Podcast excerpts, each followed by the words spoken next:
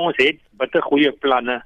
Ons het goeie dokumente. Ons het alles ons het alles wat dit kan hoe sal ek sê um adresseer. Ons kom nie net by die uitvoering op wat hy mooi word operasionalisering van ons planne nie. So ek dink die erns van wat gebeur moet net pas by die optrede wat daar gekoppel moet word. Kom ons kyk dan net eers ook wat gaan aan tans in landelike gebiede. Hoe veilig of onveilig is dit?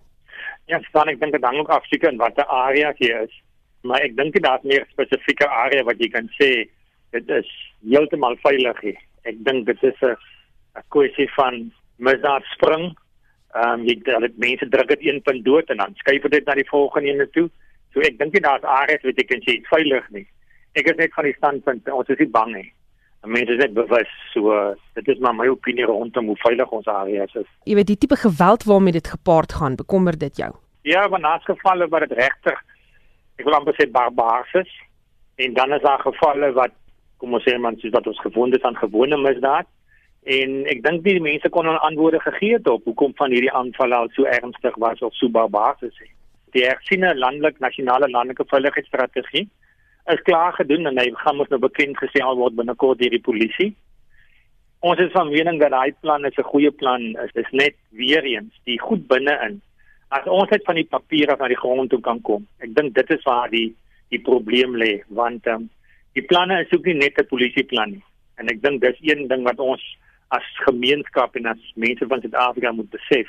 Ons daar moet almal se verantwoordelikheid dis nie die polisie nie. En die planne binne in daai dokument of in daai strategie is juis gefokus op die samewerking van almal. En as ek sê almal beteken dit Jan publiek die boer sy werkers die gesin die gemeenskap in die dorp die mense in die stede almal se verantwoordelikheid. En dit is waar ons op kort kom.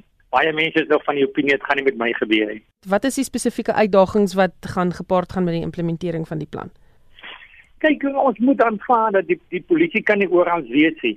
Daar is beleid party uh, stasies wat net een persoon aan diens is met een voertuig in die aand en dit is dit kan nie werk so nie. Die ander kant is weer dan kry weer gemeenskappe wat nie betrokke is in veiligheidsorganisasies om dan kom ons sê die tekortkominge aan te vul nie. En die ander ene is die persepsie van dis nie my werk, dit is die polisie se werk.